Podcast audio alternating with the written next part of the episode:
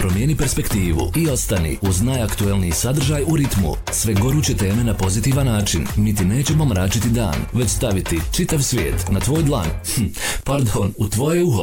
Pojačaj kameleon. Dame i gospodo, sa vama je Amra Avdić. Dobar vam dan, vi gledate i slušate Radio Kameleon i naš Internaut Show.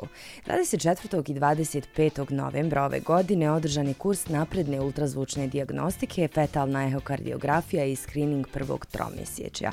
Organizatori su Centar za humanu reprodukciju Balić Tuzla, zatim Berg Deo Tuzla i Canon Medical Systems Japan. Bilo je oko 25 učesnika i učesnica, moramo reći, iz Tuzle, Sarajeva, Banja Luke, Zenice, Mostara, koji su imali priliku dir direktno na jednom mjestu učiti sve o prethodno pomenutim temama. međutim, zašto je ovo toliko značajno za našu zemlju, saznaćemo u razgovoru koji slijedi. Veliko je zadovoljstvo što je moja današnja gošća, profesorica doktorica Devleta Balić, specijalista ginekologije akušerstva i subspecijalista humane reprodukcije, dječje i adolescentne ginekologije. Dobar dan, dobrodošli. Dobar dan.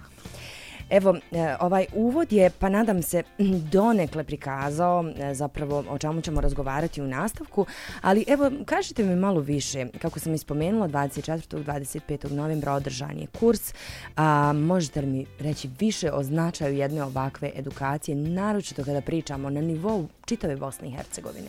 Pa, takvi kursevi prije svega u našoj sredini su rijetki i velika je odgovornost organizirati takve kurseve. E, jedan od, e, kako bih rekla, prvih ciljeva je bio da se E, budući ginekolozi, odnosno e, i ginekolozi koji rade takav posao, više upoznaju sa tehnikama pregleda koji su važni u toku trudnoće. E, primarno tu je screening, takozvani probir prvog tromjeseća i pregled fetalnog srca, odnosno fetalna ehokardiografija. Ono što je značaj ovog kursa je i to što je bio takozvani hands-on kurs, znači da smo imali priliku da na pacijentima znači demonstriramo tehnike pregleda i uočavamo neke znači normalne i abnormalne stvari vezane za periode trudnoće koje pratimo i što smo imali učesnike znači ne samo iz naše zemlje nego i predavači iz inostranstva znači to iz e, renomiranih centara koji se bave ultrazvučnom dijagnostikom iz Engleske i Royal College Hospital, Litvanije, Hrvatske pa i Bosne i Hercegovine odnosno nas domaćina i možemo biti ponosni na to da je to se prošlo uspješno, da su zadovoljni znači i ovaj predavači, zadovoljni su i učesnici sa efektima kursa, a i pacijentice koji su nam, kažem, u svem tome pomogle, jer bez njih ne bi bilo moguće organizirati takav jedan kurs. Jasno.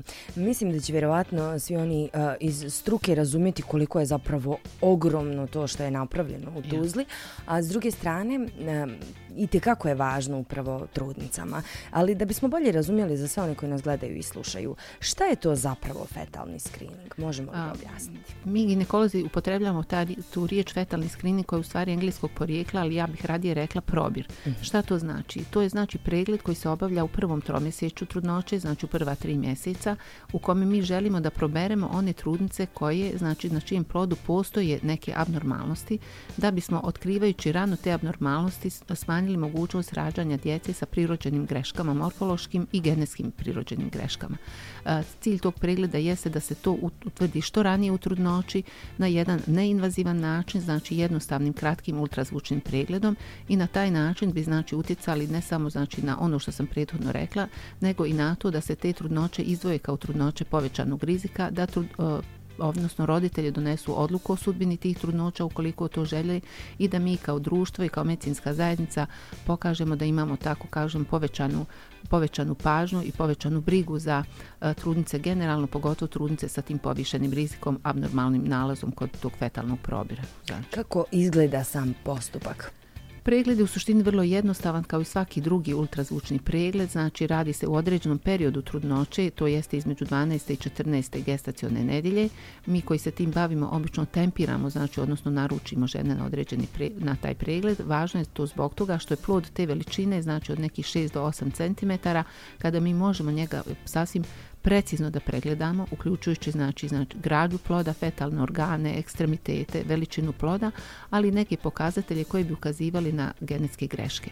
Pregled se izvodi tako što je preko trbuha ili transvaginalno u ovisnosti od toga šta mi želimo konkretno u datom trenutku dobiti od tog pregleda i ne traje dugo nekih desetak do 15 minuta, nije invazivan, ugodan je za pacijente. Pacijent može da prati tok od pregleda tako da mislim da je to e, vrlo značajno da ga obave sve trudnice. Kad kažemo probir, to nije pregled koji je rezervisan za neke trudnice, to je e, pregled koji je rezervisan za sve trudnice bez obzira koja je trudnoća po redu i ovaj koliko godina žena ima, znači ne postoji nekakvi kriterij selekcije, zato i kažemo probir. Idemo pričati o fetalnoj ehokardiografiji, dakle kako upravo ona pomaže u otkrivanju i praćenju prirođenih grašaka srca kod ploda? Pa, fetalna ehokardiografija ili da pojednostavim slušalcima pregled fetalnog srca je jedna visoko diferencirana specijalna pretraga koja se obavlja znači nešto kasnije u trudnoći sa nekih kako bi mi rekli 4 do 5 mjeseci trudnoće. E, ona e, se obavlja znači jednostavno tokom ovih e, ginekoloških pregleda, ali zahtjeva znanje i E, vještinu znači od samog pretraživača. Nisu sve žene, e, odnosno te kojima je potrebno da se podvrgnu toj fetalnoj ehokardiografiji ili pregledu fetalnog srca, postoje određene kategorije, odnosno indikacije kod kojih je to neophodno, ali kažem mi e, povećavajući našu vještinu skraćivanjem vrijeme pregleda, vremena pregleda, mi možemo svim ženama omogućiti tokom rutinskog pregleda taj pregled fetalnog srca. Ukoliko se uoče genetske, ajde nazovemo ih greške, kako se intervenira u slučaju potrebe za liječenjem prije rođenja djeteta? ovako, što se tiče pitanje onako široko, ali ću vam ja mhm. nekako, postoji različite, da tako kažem, dvije grupe grešaka. One koji su spojive sa životom i one koji nisu spojive sa životom ili sa životom dostojnim čovjeka. Naravno, svi roditelji imaju pravo da odluče o sudbini svog djeteta, pa makar to bila i neka velika greška, odnosno mana, ne radi se samo o srčanim greškama, nego generalno greškama, imaju pravo da odluče o, ovaj, o tome da li žele da imaju takvo dijete. Naša uloga jeste da te greške rano otkrijemo, da vidimo da li se to ovaj, greške spojive sa životom ili nisu, da roditeljima skrenemo pažnju na mogućnosti, a i na mogućnosti čak i prekida trudnoće ukoliko se radi o, o ovaj, o greškama koje nisu spojive sa životom ili sa životom dostojnim čovjeka, što je vrlo rijetko na sreću, ali ipak moguće zašto e, se smatra e, da je upravo fetalna ehokardiografija jedan od ključnih, pregleda u prenatalnoj dijagnostici, posebno u otkrivanju ili poremećaja u građi srca i velikih ovaj, krvnih pa sudova? zato prije svega što je, kažem, ako srce je organ, e, tehnički gledano, to je onako prilično teško izvodljivo jer imate organ u tijelu ploda koji ima određene pokrete, znači položaj, pa imate plod utrobi majke koji se također mrda, ima različite položaje na koje vi ne možete utjecati tokom pregleda. I onda imate vas kao pretraživača, znači imate tu nekoliko barijera koji fetalnu ehokardiografiju čine vrlo specifičnim i teškim pregledom. Iz tog razloga je to, to polje nekako uvijek bilo nepokriveno i malo ne mogu reći zanemareno, ali jednostavno nije bilo puno ljudi koji su se bavili isključivo fetalnom kardiografijom. Razlog za to jeste još jedan što otkrivanjem tih srčanih greški na plodu. Srčane greške nisu anomalije nespojive sa životom, znači one se mogu operirati po rođenju djeteta u kasnim mjesecima ili godinama života, ali ono što je važno da se one na vrijeme otkriju tokom trudnoće jer onda se te trudnoće prati na specifičan način, isto tako to utječe i na način završavanja trudnoće odnosno porođaj i čitav niz istraživanja, kažem, koje slijede vezano za to nakon otkrivanja neke srčane greške, naravno. Srčane greške mogu biti udružene i sa drugim greškama, mogu biti udružene i sa genetskim greškama.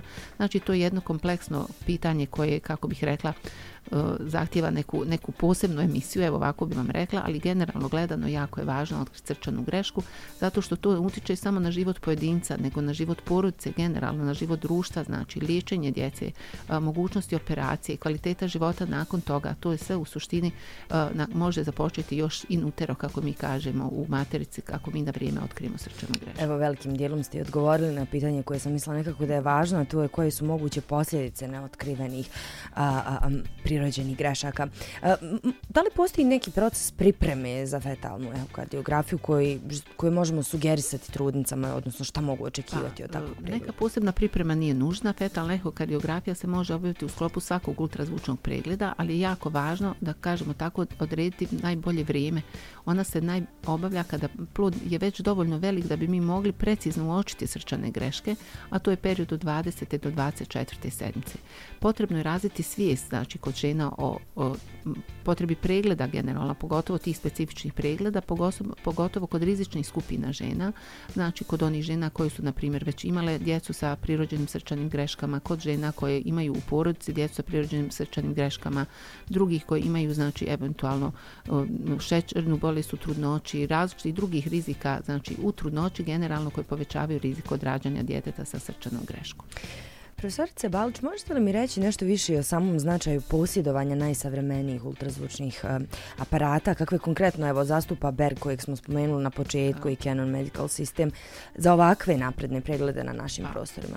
Činjenica stoji da, mislim, e, ovako sofisticirani pregledi ne bi mogli biti izvedeni bez isto tako e, napredne opreme.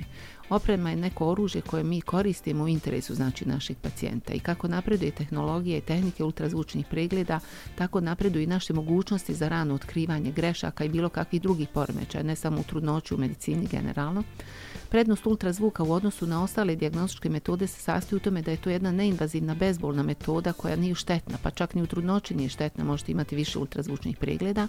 A to je jedna stvar, druga stvar što se uz taj ultrazvuk mogu kombinirati i druge ultrazvučne tehnike kao što su kolor Doppler, pa taj famozni trodimenzionalni ili četvrodimenzionalni ultrazvuk, pa određeni softveri koji se ugrađuju sad u moderne aparate koje nama olakšavaju pregled, pomažu nam puno, skraćuju vrijeme pregleda i zamjenjuju znači nas u nekim fazama kao što su znači nekakvi kako da kažem modeli koji, u kojima se mi možemo uklapati ili ne uklapati slično kao i u nekim drugim oblastima medicine i generalno u oblastima života gdje tehnologija donosi značajne napretke. I ono što u stvari jeste moj odgovor na vaše pitanje značajnu ulogu ima znači e, tehnologija značajnu ulogu ima napredak ultra, kako bi rekla u razvoju ultrazvučnih tehnologija i aparata u mogućnostima koje mi pružamo našim pacijentima.